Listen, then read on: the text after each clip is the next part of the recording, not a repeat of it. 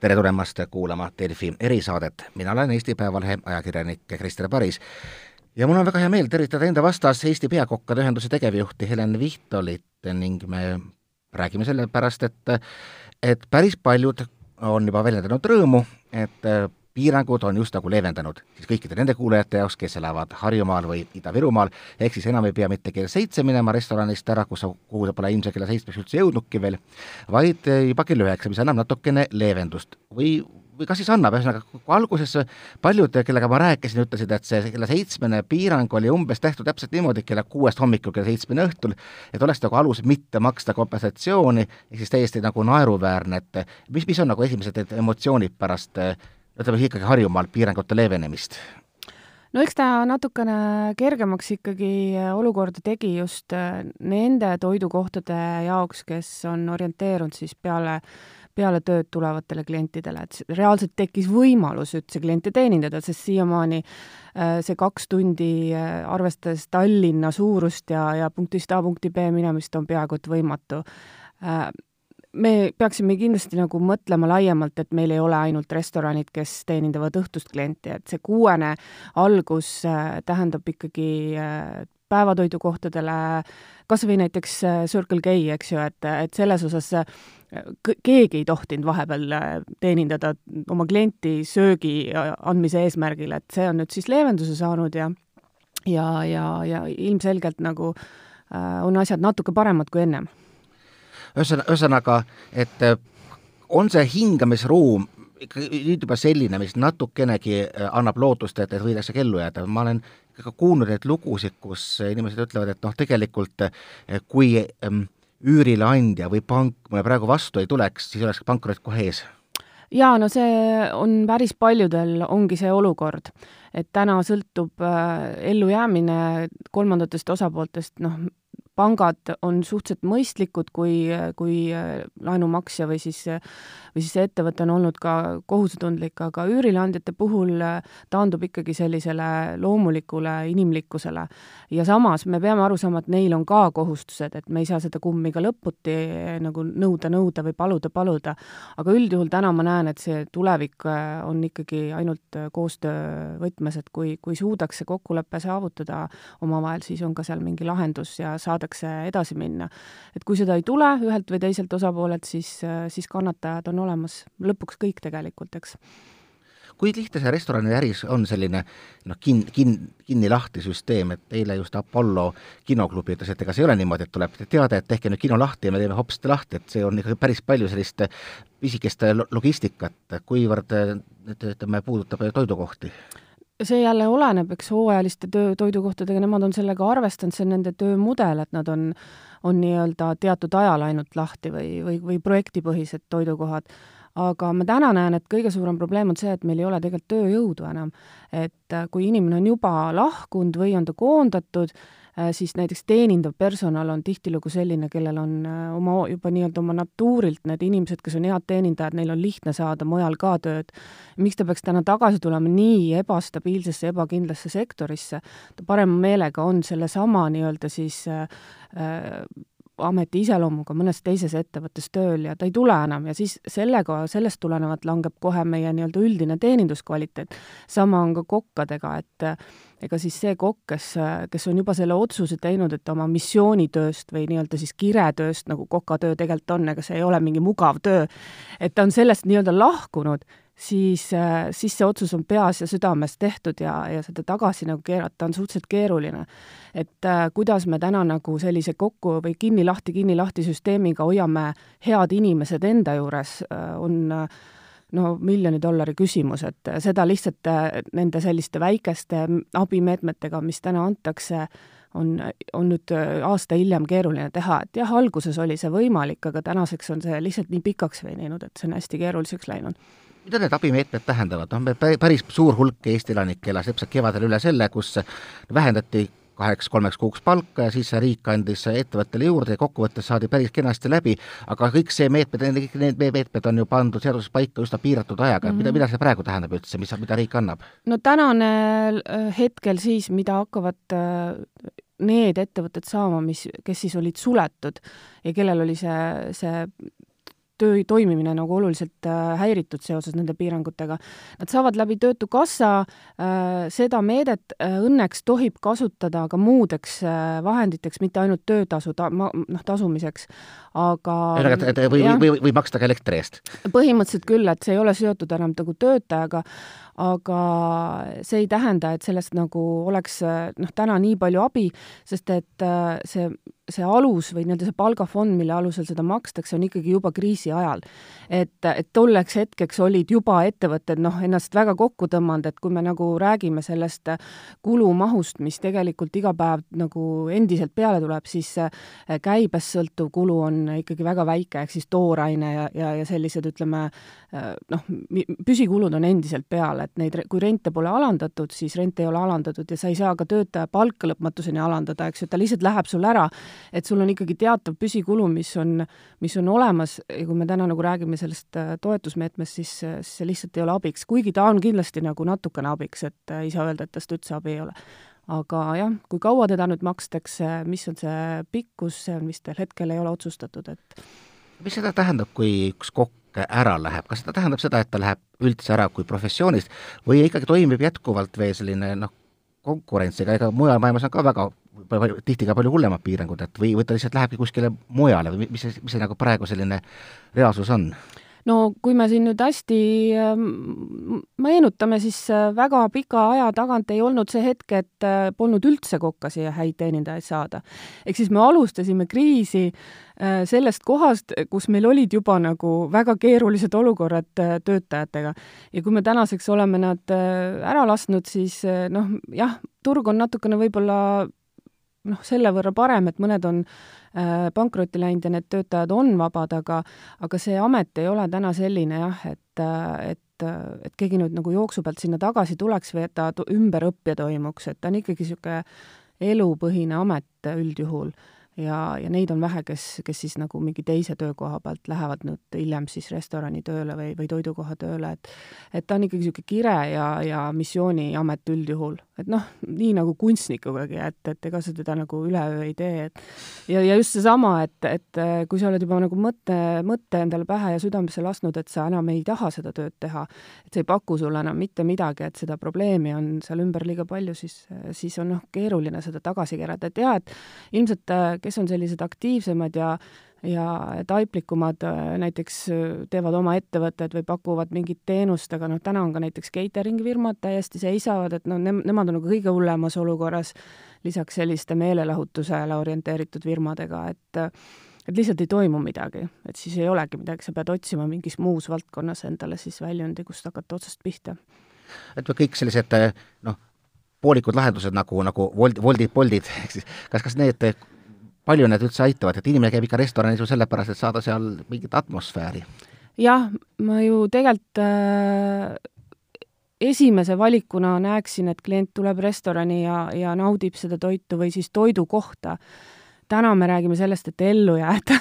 et siis paraku tuleb kõik vahendid kasutusele võtta. Äh, ütlen ka ausalt, et äh, toidukullerid ei ole tegelikult restoranide nagu esmane valik, nad hea meelega seda ei kasutaks, aga lihtsalt, kuna inimesed on pelglikud, kardavad seda viirust endiselt, on teadmata ju täpselt äh, Äh, kõik need nüansid, mis haigusesse nagu puutuvad, siis, äh, siis see on üks valik, kuidas vähegigi käivet teha, kuigi noh, kõik toidukohad eelistavad, et klient tuleks kohale kas ise järgi või siis tuleks ikkagi ise sööma, et see on esmane valik, jah. ja see on ka mõistlik, ütleme, selles mõttes, kui mõelda seda vähest äh, vahendit, mis täna järgi jäänud on sellele turule, siis, siis praegusel juhul me jagame seda siis toidukulleritega. jaa, et, et, et isegi kui keegi tuleb ise järgi, siis ta vähemalt säästab selle väikese katte, mis muidu läheb lihtsalt kulleri mhm, tasuks. just jah, et see on suhteliselt kallis äh, toidu kohale, see vahendustasu nii, vaatame veel pärast natuke ka tulevikku, mis saab, aga, aga natukene ka veel ikkagi tänasest päevast, et noh, see kellaajaline piirang pole ju ainukene. ikkagi on vaja tagada inimeste hajutatus, seal on selline äh,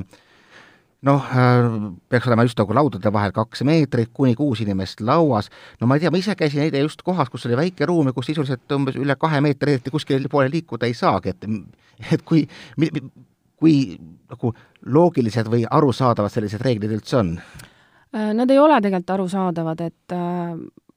nad oleks ilmselt arusaadavad, kui kuskilt oleks võimalik küsida, et mida täpselt see tähendab või kuidas see on mõeldud või või kuidas seda rakendada, et see rakenduspunkt on seal nagu selline keeruline, sest igaühel on oma erinevad äh, nii-öelda siis tingimused, et seesama pisike kohvik, kus tegelikult võib-olla kokku ongi kümme-viisteist kohta, et kuidas sa seal siis seda nüüd rakendad, et äh, me oleme täna nagu vaadanud neid erinevaid äh, lahendusi, mis, mis jooksevad läbi erinevatest siis nii-öelda mm, valitsuse pressiteadetest või, või määrustest, et äh, noh, üldjuhul ma näen ikkagi, et siin tuleks nagu võtta ruutmeetri haaval, et kui on ikkagi normaalne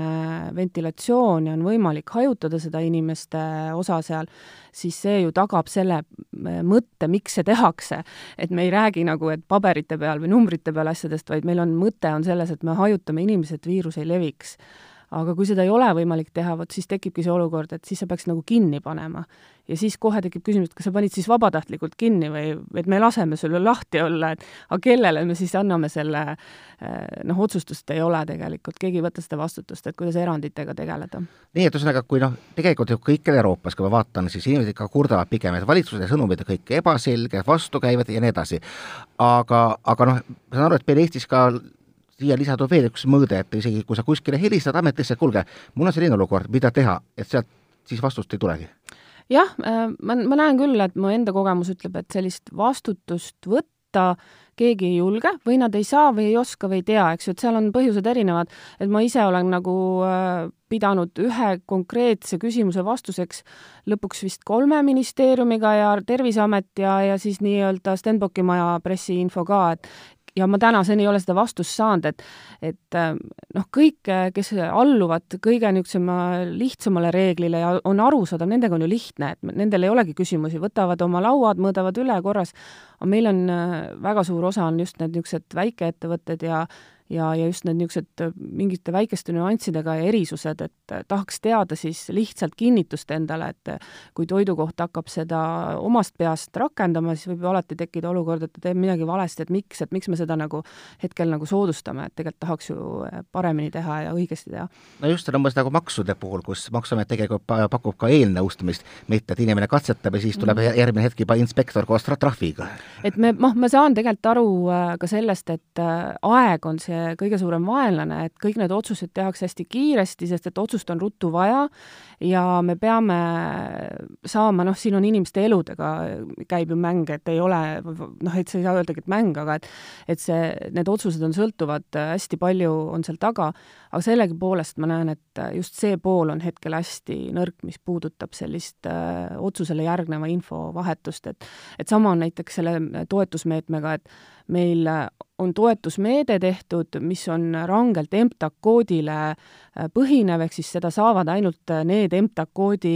omanikud, äh, kellel on siis see toitlustus seal esimene, samas see EMTA kood ei ole meil kõige esimene asi, kui me äritegevust alustame, et see ei ole nagu väga üldse tähtis asi, et sa võid sinna neid panna mitme tegevuse puhul palju. ja ma, ma tean päris ise päris mitut toiduettevõtet, kelle põhitegevus nagu noh, on ikkagi sada protsenti toitlustus, aga neil on näiteks tootmine on pandud äh, MTAK koodiks, nad ei saa et, et kunagi on lihtsalt pandud paberisse lihtsalt teises mhm. järjekorras ja jah, just teises järjekorras või, või näiteks äh, noh, ongi, et on on äh, kondiitri ja, ja kohvik, äh, kes teeb ka tellimustöid, ehk siis nagu näiteks pulmatorte, siis äh, tema täna ei saa, sellepärast et tal on tootmine pandud, kuigi ta toidab to-, noh, toitu toodab, eks, et et, et vot selliste väikeste eranditega, mida, mida on, aga mis, mis, mis määravad nagu, mille, mille taga on nagu töötajad ja nende inimeste pered ja elud, et seal peaks me suutma lahendada Eesti riiki arvestades neid küsimusi personaalselt. täna me ei saa seda, et meil ei ole niisugust niisugust, niisugust kohta, kus me saaks nende eralditega tegeleda, et et ma näen, et näiteks Peakokkade Ühendus on täitsa võimeline hindama, kas see, see ettevõte on tegelikult toiduettevõte või mitte, et, et kuskil peaks olema see selline suhtlus äh, nii-öelda poolte vahel. et te näeksite riiki partnerina? jah, just, et, et noh, meie eesmärk on ikkagi, et need, kes vajavad abi, saaksid abi mitte et me saame linnukirja, et me anname kellelegi abi, eks ju, Töötukassa praegu hetkel ilmselgelt ei tea ju nüansse, et selles suhtes meil on täna neid katusorganisatsioone veel, kes, kes tegelikkuses teavad päris täpselt, kes siis on siin need abivajajad ja kes mitte, et see on, see on Eesti, Eesti suurust arvates täiesti võimalik teha. no kui me alustasime nüüd sellest, et läksid natukene leebemaks piirangud just siin ja Harjumaal ja, ja siis Ida-Virus, siis noh, ülejäänud Eestis läksid asjad karmimaks, et kui suur mure see või probleem see on, et ühest küljest nagu kõrvaltvaatajana tundub, et noh, kell kümme või üheksa kinni panna, muidugi on vähem, aga pole väga hull. Jah, eks ta tegelikult äh, on ju suhteline, et äh, kui inimesed äh, mõtlevad, siis nad saavad aru, et see on vajalik haiguse seisukohast, aga emotsioonid on kõrged. ja just sellepärast, et seda, seda aega on nüüd päris pikalt olnud, et et kui me nagu inimlikult mõtleme, siis me noh, saame ju aru, et miks inimene on äh,, miks ta reageerib nii, nagu ta reageerib, ükskõik mis tasandil äh,. sama on nagu meelelahutusasutused, eks teatrid, kinod, et noh, nende puhul see tund on päris suur asi, sest film on juba nii pikk, et sa ei saagi lõpuks näidata midagi, eks ju. et ähm, või teatrietendused, jah, et ma, ma inimlikult saan aru äh, mõlemast poolest äh, ja, ja, ja täna ei ole, ma arvan, seal õiget vastust. et see ongi see, et meil on nende, need kaardid, mis laual on, nendega tuleb hakkama saada, et et ma lihtsalt näen, et meil on seda, seda suhtlust äh, vaja nagu väga palju paremaks teha just, mis puudutab siis riigi poolt ja ja neid, kes siis vahendavad seda infot aga tuleb ikkagi tagasi Tallinnasse, et äh, päris mitmed teemad viisid kokku sellise klassikalise juhtumini, mis on vanalinnas, väikene, pigem väikene koht, kus väga palju ru-, ruumi laiutada ei ole, koht, kus on olnud varem üsna kõrged üürihinnad, aga on olnud ka päris palju maksvaid kliente, vähemalt turistide näol, ja ma tean, et kevadel olid inimesed päris palju rõõmsad, et näed, see, et ometi on vanalinn tagasi siis Eesti inimeste käes, saab märksa odavama hinnaga Äh, toitu, kui, kui, kui varem sai, ehk siis tekkis paratamatult ka küsimus, et aga järelikult oleks ka varem saanud, et äh, kõik on ju või põhimõtteliselt rõõmsad. Ja mida see päriselt nagu praegune kriis tähendab ühe, ühe vanalinna koha jaoks, kes üritab võib-olla siis nüüd äh, nii-öelda Soome, ma ei tea, Soome söökla võib-olla halb nimetus, aga niimoodi kutsutakse, sellest, sellest siis staatusest saada ka rohkem Eesti inimesi teenindavaks asutuseks iga ettevõte on ju kunagi omal selle valiku teinud, millist ärimudelit ta jälgima hakkab, eks, ja see risk on alati sees, et kuskil võib tekkida olukord, kus ei ole klienti. ja, ja täna me näeme, et, et noh, need, kes tõesti olidki sada protsenti ainult äh, turistile orienteeritud, nendel ongi kõige-kõige hullem ka. seal ei olegi mingit valikut, sest et äh, kohalik inimene lihtsalt ei ei ole harjunud seal käima, et seda harjumust ei tekita ka, sest et ees on juba teised kohad, kus ta ka käinud ei ole, et võib-olla ta valib nagu mõne teise koha ennem. Ma näen, et kõige nagu õnnetumas olukorras veel lisaks on, on need vanalinna restoranid, kes tegelikult ei olnud turistidele orienteeritud, kes on tõesti Eesti nagu parimad restoranid, kui me nii võtame nii, nii interjööri, köögi, söögi, teeninduse kõige poole pealt, neid on nagu pandud ka ühte patta kõik, kõik on nagu üks suur vanalinn, kuhu ei ole vaja ligi minna, et et ma siiski, noh, me oleme juba suvest saadik seda ka oma ühinguga öelnud, et äh, kohalik inimene, et noh, tõesti, minge ja vaadake ja avastage. et kui te ei ole käinud, siis te ei saa ka öelda, et see on halb või hea, et minge, minge avastage, et võtke tõesti, seal on endiselt lahti neid restorane ja, ja, ja minge vaadake, võib-olla leiate endale lemmiku, et on ka erineva hinnaklassiga täiesti, et seal on ju lihtsamaid ja ja, ja peenemaid kohti kõikidele peaks jätkuma, et ähm, ja üldiselt nad ikkagi on endiselt ka sotsiaalmeediakanalites või oma kodulehtedel selgelt kommunikeerivad, kes on lahti, kes ei ole. Et ma küll jah, soovitaks, et tehke kas või niisugune vanalinna tiir, et igas hop-on, hop-off restorani käik, et et minge proovige lihtsalt ja toetage sellega, et ega siis tegelikult pole ju keegi selles süüdi, et äh, täna on ikkagi see kriis on, on, on keerulise olukorra loonud ja, ja kui sellest välja tullakse, eks siis on nagu igaühe enda asi, kuidas ta siis edasi läheb, et kas ta läheb tagasi selle mudeli peale, et turiste ainult võtta või, või, või väärtustab siis kohalikku klienti. et aga täna noh, ma, ma näen, et need on teine olukord, et me ei peaks nagu sellele väga nagu rõhuma, et nad on ise süüdi või nad on kogu aeg olnud nii, nii valed, on ju, et ei ole sellist asja, et täpselt samamoodi töötavad seal meie inimesed ja ja tahavad ka palka saada ja, ja, ja maksavad ka makse, et, et see on ikkagi nagu võrdne no kui sellest erisusest üldse rääkida, mis on nii-öelda kohaliku jaoks ja mis on turisti jaoks, siis mul tuleb meelde, kuidas ma tegin mingi paar aastat tagasi nagu küsisin inimeste käest, et, et kuidas teil nagu meeldib Eestis teenindus ja hästi nagu tõsteti esile negatiivses mõttes toona, toona Pärnut, et noh, seal on nii palju ettevõtteid, mis ainult ongi orienteeritud turisti jaoks ja, ja siis noh, olemuslikult nad ei panustagi väga heasse teenindusse, kuna nad on, paljud ärimudel on umbes niimoodi üheks aastaks, et noh, kuidas nagu teile tundub, et kas see kriis võiks selles mõttes ka midagi puhastada, jah, me rääkisime, et osad inimesed lähevad lihtsalt ära ja tegelikult sektor kaotab. aga teisest küljest noh, kriisides võibki ju tulla välja, et pärast, et see, mis, mis püsima jääb, on olemuselt väga palju parem, kui oli see, mis oli varem jah, vastab tõele. ja üldiselt tavalise majanduslanguse puhul see nii ka on ju, et ütleme, võtame tavalist majanduslanguse perioodi, siis jäävadki ellu need, kes on tõsiselt head või targad. täna ei anta nagu võimalust sellist selektsiooni teha nagu loomulikult, vaid et kõik, kõik noh, isegi see, kes on hea, ei pruugi ellu jääda et jah, pigem on nagu see, et äh, eks me näeme siis, kui see ükskord äh, see väljumisaeg tekib, et me reaalselt ka väljume, täna me ei välju kuskilt kriisist veel, ei näe seda lõppu, et siis, siis me näeme ja saame mingisugused järeldused teha, et kuidas see mõjus, aga noh, jah, üldiselt küll on see suhteliselt õige mõte, et tugevamad jäävad ellu, lihtsalt täna ei ole nagu võrdne see et no, ei ole nagu tugevad, et jäävad ka tugevad, ei jää ellu. aga ikkagi juba räägitakse, et okei okay,, tunneli lõpus valgus, selline noh, vaktsineerimiskava muredest me teame, aga ikkagi on näha, et nad tulevad ja tulevad, tulevad peale, et mingi paari kuu jooksul juba võiks, võiks olla elu oluliselt normaalsem või kui palju teie usute sellesse, et vaktsiin nüüd ikkagi meid vähemalt siis suveks päästab? ma ennem ei usu, kui ma ise olen vaktsiini saanud, nali aga pooleks, tegelikult see ei sõltu ju mitte kuidagimoodi meist. me, me näeme iga päev uudiseid, kus, kus muutub see info, mis oli ennem. et kui me suvel teadsime, et need tohutud vaktsiinikogused on meie poole teel e-, esimesel võimalusel, kõik, kes tahavad, saavad, siis täna me näeme, eks ju, vastupidist pilti, et see, see vaktsiini äh, must turg on hakanud tekkima, mis on täiesti absurd antud olukorras, eks. aga noh, ma ikkagi ise tahaks loota, et kui me oleme kõige, nii-öelda kõige suuremas ohus oleva riskigrupi ära vaktsineerinud, siis loogika ütleb, terve mõistus, et me peaksime nagu avama, eks ju, ülejäänud, et, et kui meil ikkagi riskigrupp, kes, kes tõsiselt on, on täna näha, kes see on, Äh, on vaktsineeritud, siis äh, võiks äh, leevendada neid muid piiranguid, mis ei tähenda, et see haigus kuhugi kaob, et ilmselgelt ta ei kao kuskile ja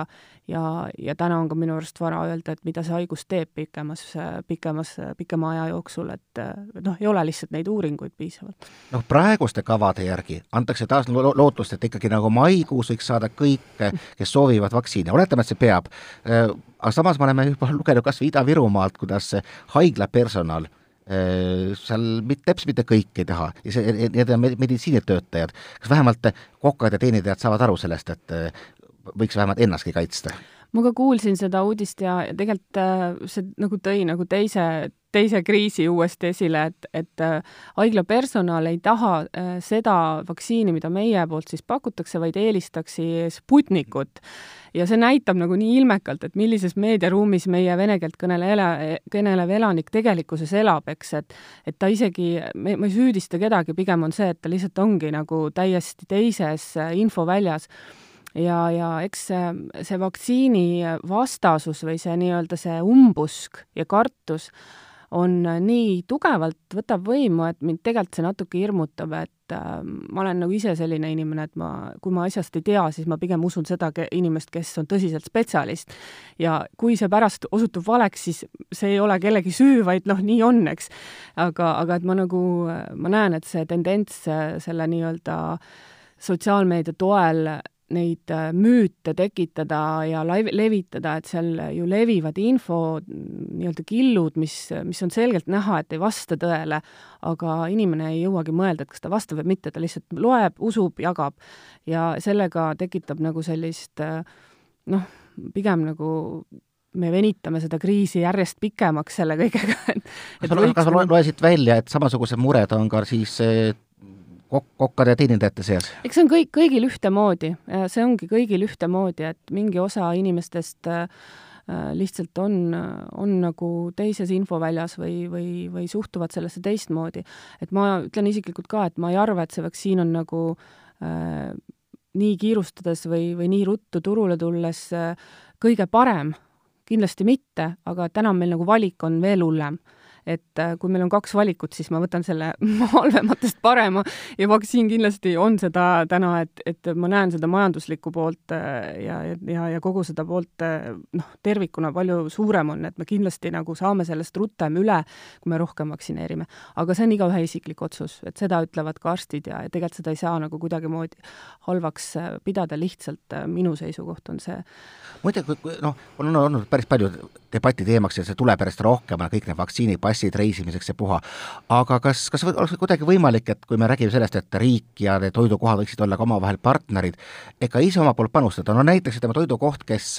kelle töötajaskond noh, mingi hetk, kus on kõik, kellel võimalik on, on vaktsineeritud, kes täidab kõik reeglid, et kuidagi annaks sellest märku, et tulge meie juurde, meil on tõesti ohutu olla siin. jaa, et äh, meil on tegelikult koostöös EAS-iga ongi selline märgis ka kohe-kohe välja tulemas, et siin on turvaline. see on täitsa juba olemas ja siis siin on turvaline toidukoht äh,, tähendaks ka seda, et, et see ettevõte on selgelt vaeva näinud, et ta ongi ohutu. et kui sa siis äh, juba sinna lähed, siis, äh, siis ettevõtte poolt on kõik tehtud. Me ei saa muidugi kunagi öelda, et sa seda haigust ei saa, et sa võid selle ükskõik kus saada. Ja täna näitabki see, et, et on perekondi, kus on üks haige ja ülejäänud kõik on terved ja samas on, on perekondi, kus inimene on saanud selle haiguse lihtsalt sekundi murdosa jooksul ühes koridoris viibides haige inimesega. et ta levib nii kummalisel moel ja, ja niivõrd ikkagi sõltub ilmselt nendest organismidest. eks aga toidukohtade vaates jah, et ma näen küll, et need, kes nagu panustavad, tõsiselt südamega võtavad ja ja, ja ise ka on nagu, nagu tunnetavad seda vastutust, et ne, nendel peaks olema see eelis, et neid ka tõstetakse esile, neid nii-öelda tunnustatakse selle eest ühesõnaga, see märgis olekski umbes midagi sellist, mille me alguses rääkisime, et kuidas võiks nagu aru saada, et, et äh, on mingisugused inimlikult mõistetavad kriteeriumid, mille alusel kas või sedasama laudade jaotamist ja kõik, kõike mm muud niimoodi, et, et teil on, teil on tegelikult endal olemas ekspertiis, et öelda, et noh, siin on äh, mõistuspärane niimoodi käituda. jah, et, et jah, kui, kui sa juba selle märgi saad, siis sa oled teatavatele kriteeriumitele vastad ja, ja kui sa siis näiteks rikud neid hiljem, siis see võetakse ka ära, et, et Visit Estonia lehe peale lähevad need ka üles ja seal on ka maaturismi ettevõtted, et äh, piirkondlikud nii-öelda siis äh, keskused, kes annavad värke välja, et, et need kohad, kus siis inimesed käivad, külastajad käivad, olgu siis sise- või välisturistid, äh, tänaseks ju enam vahet ei ole, et äh, nendel on selge arusaam, kus siis on turvalisem olla ja kes selle eest ka siis panustab ja sellele nii-öelda mõtleb nii, aga vaatame siis lõpuks üldse nii-öelda lähe, lähemasse tulevikku, et kui, kui halb see olukord nüüd on, et oletame, et no kõik ikkagi läheb enam-vähem plaanipäraselt, praegused piirangud enam ei süvene, maikuus hakkavad tilkuma tagasi turistid, kas suurem osa nendest, kes praegu elus on, peavad nii kaua vastu? Mm, ma tahaks loota, et see nina hoitakse vee peal, et tõesti kõik tegelevad sellega igapäevaselt ja mõtlevad neid lahendusi, et muidugi osad on ka juba ennast kinni pannud, aga mis ei tähenda, et nad uuesti ei ava et kui on ikkagi väga väga armastatud peakokk ja tema restoran, siis ta leiab ka oma koha ilmselt peale kriisi. aga, ja, ja meil on õnneks äh, ka EAS-i poolt välja mõtlemisel erinevad kampaaniad, et, et need turistid tagasi tuua, et mis on hästi tähtis, et me elame tegelikult juba selles mõttes, et mis me siis teeme, kui me uuesti avaneme. et me ei mõtle ainult tänasele päevale. aga täna siiski noh, me näeme, et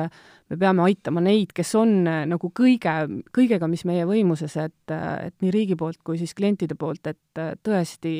noh, hoida see sektor alles oma tasemel. sest see tase, mis, mis me oleme saavutanud, on, on ju nii enda inimestele kui, kui, kui külalistele noh, teada ja hea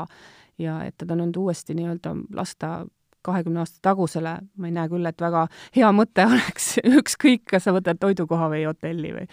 või mingi meelelahutuskoht. see on tõesti koht, kus ilmselt kokkuhoidmisest on üksteist, kõik, kõikidel üksteist mm -hmm. ainult, ainult võita. aitäh tulemast saatesse, Eesti Peakokkade Ühenduse tegevjuht Helen Vihtol, mina olin Eesti Päevalehe ajakirjanik Krister Paris,